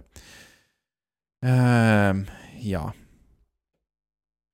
Det, går vel mot, mot slutten her. Og du, Leif Tore du har jo vært med i Vikingpodden Er det mer enn to ganger? dette er tredje gangen. Dette er tredje gangen, tror jeg. Ja. Ja. Og da må jeg jo spørre hvordan har det vært med å være med i en eh, podkast der vi faktisk har vunnet en kamp? Ja, det er jo, det er jo veldig, veldig nytt. Eh, altså, jeg tenkte 16. mai, det er gass, og så tenkte jeg det er Odd. Å, skyt meg nå. Sant? Da tenkte jeg her er det bare å springe ut på motorveien og la, la det skje, det som skjer. For du sa i jeg tror det var første podden du var med i, så sa du at det fins ikke noe verre enn en uavgjort hjemme mot Tromsø. Eller Odd. Og jeg, Ja. jeg, jeg, må jo si Odd Jeg har et sånn anstrengt forhold til Odd fordi at det er sånn rolleslag. Det, det, det er egentlig ingenting med dem. Altså til og med he, liksom, sånn heiaropet er liksom sånn eh, Odd. ja, altså, det, det, er ingen, det er ingenting der. Jeg synes det er kjedelig, kjedelig lag. Du pleier å være kjedelige kamper. Um, men, og på 16. mai så trenger du mer enn noen andre ganger i året, med mindre du er i en cupfinale, så trenger du en god opplevelse. Altså, det er pakka. Uh, du kan, jeg syns jo det, det peker liksom litt sånn ut retningen og stemningen for det som kommer etterpå. Uh, og Derfor er jeg jo skamhappy nå. Altså, jeg, jeg kan klare masse korpsmusikk og sånne uh, kokte grillpølser i morgen. Eh, det der 16. mai-greiene Når det er bra, så er det så sinnssykt bra. Og det var det jo i dag. Den beste måten å vinne fotballkamper på Dette er jo en klisjé, men det er å først bli brutt ned av et tullelag fra Skienstraktene og ligge unna, og så kom, altså komme tilbake. Det er jo noe helt eget med å komme tilbake. Det, det, det, det er fantastisk, sant? Altså, det er mye, mye bedre å ligge unna. Altså, Hvis en kamp skal ende 3-2 i din favør, så vil du jo helst at det skal skje på den måten. Ikke at du uh, skårer tre mål, så derfor da, av, og så putter de etter, putter de etter. Da blir det sånn, ja, ja, det var jo litt sånn. Men hvis du ligger under 2-0, Det er kom tilbake. Ai, Det er veldig sant. Men to det, helt annerledes følelser. ja. ja, det det. dette var jo òg, da Altså, jeg spurte jo deg eh, klokken 14.55, eh, Leif Tore. Jo- Har du et resultattips? Ja, hadde jeg, eh, jeg Jeg husker ikke så veldig godt, men jeg lurer på om jeg Ja, sendte deg et null, resultat. null minutter seinere Ja, hva svarte jeg for så noe? Jeg svarer ikke. du tre, to. Så dette, dette kåla du eh, greit? Ja, ja, ja, ja. Dette var, det, det var helt eh, Altså, det er lett når du kan det. Ja, det, det kåla du kan det. veldig, veldig greit. Så ja, jeg må innrømme at jeg sendte deg den meldingen. Har du et resultattips? Og så lukka jeg Twitter, der vi kommuniserer, og så så jeg aldri mer på dette før etterpå. Så, em, så, så frekk var jeg, da. Men, men dette skal vi få dokumentert og putta ut, for det var, var sterkt. eh. Jeg traff til med folk i pausen som sa at øh, var det sånn, øh, Så sa jeg slapp av, slapp av. Vi kommer til å vinne 3-2. Det er den rollen du har liksom blant venner og kjente. Du roer de ned. Og, Det er ja. det, det jeg har. Ja, ja. Nei, fantastisk. For, dag. Helt nydelig. Absolutt. Em, jeg vil jo bare si, eh, før vi runder av på, på ordentlig, at em, ja, jeg vil si takk til alle som har støtta Vikingpodden eh, økonomisk eh, i det siste. Det har kommet inn eh, ja, er det tre-fire-fem rause donasjoner siste uka, det setter vi veldig pris på. De pengene bidrar bl.a. til bompenger og hurtiglading eh, på Sandefjordturen. Eh, og eh, så skal vi Vi skal reise til bortekamp neste uke òg, så det er jo klart òg blir dekket. Ja, ja, da eh, dekker litt av bompengene til Forus-turen. Eh, og så ja, skal vi smukke opp noe sånn der eh, demping, kjøpe noe Glava til studio. Det er faktisk overraskende dyrt, så det setter vi veldig pris på. Og eh, ja, skal på noen flere bortekamper òg, eh, men det er vel ikke helt landa ennå. Brann er landa. Eh, Mm. så får vi se på hva andre vi, vi prioriterer der. Haugesund blir vel fort òg aktuelt, tenker jeg. Det, det gjør vi. Eh, Yes. Neste episode, du sa det allerede, Lars, er da er det denne Forus-turen 24. mai. Forus og Gausel idrettslag. Kanskje vi skal sykle, så sparer vi bompenger. Vi får se. Ser han været der. Men det blir veldig kjekt med cupfest eh, i det lokaloppgjøret. Ja, Leif Tore, du eh, har jo noen eh, prosjekter. Har dere solgt Dere skal ha liveshow i juni. Ja, nå har vi egentlig lagt ned denne podden, hvis oh, ja, vi satser fullt på dette nå. Men eh, ja, ja, vi skal det. Um, For det er jo egentlig avtalen at du blir med her hvis du får promotere liveshowet ditt ja, ja, ja. litt. ja. det er det jeg skal. Og så skal jeg være med på en av de borteturene dere skal ha hvis, bort, hvis det er i Sør-Europa, når det er Europacup. Altså i Mesterligaen og lignende, ikke sant? Der har vi jo en avtale. Det blir kanon. Ja. Nei da, men det, ja, vi, ja, vi holder på etter, etter, etter ringeste evne. Um, men Det, jeg må bare si det, Nå, nå kødder vi med Aftenbladet, Ja. Aftenbladet, men jeg jeg er fan, da. Ja, jeg er ikke det. Jeg syns det er helt sånn middels. Det er, sånn, det er svag- bra. Jeg syns det er svake firer på en god dag. Hvis noen, hvis noen hører på Vikingpodden, men ikke hører på Aftenbladet, så vil Så har dere gjort rett. Nei, det vil jeg anbefale det. Det er det? ja, det er skikkelig bra. Det er veldig, det er veldig gøy. Ja, jeg er ikke noen stor fan, men OK. Ja, okay.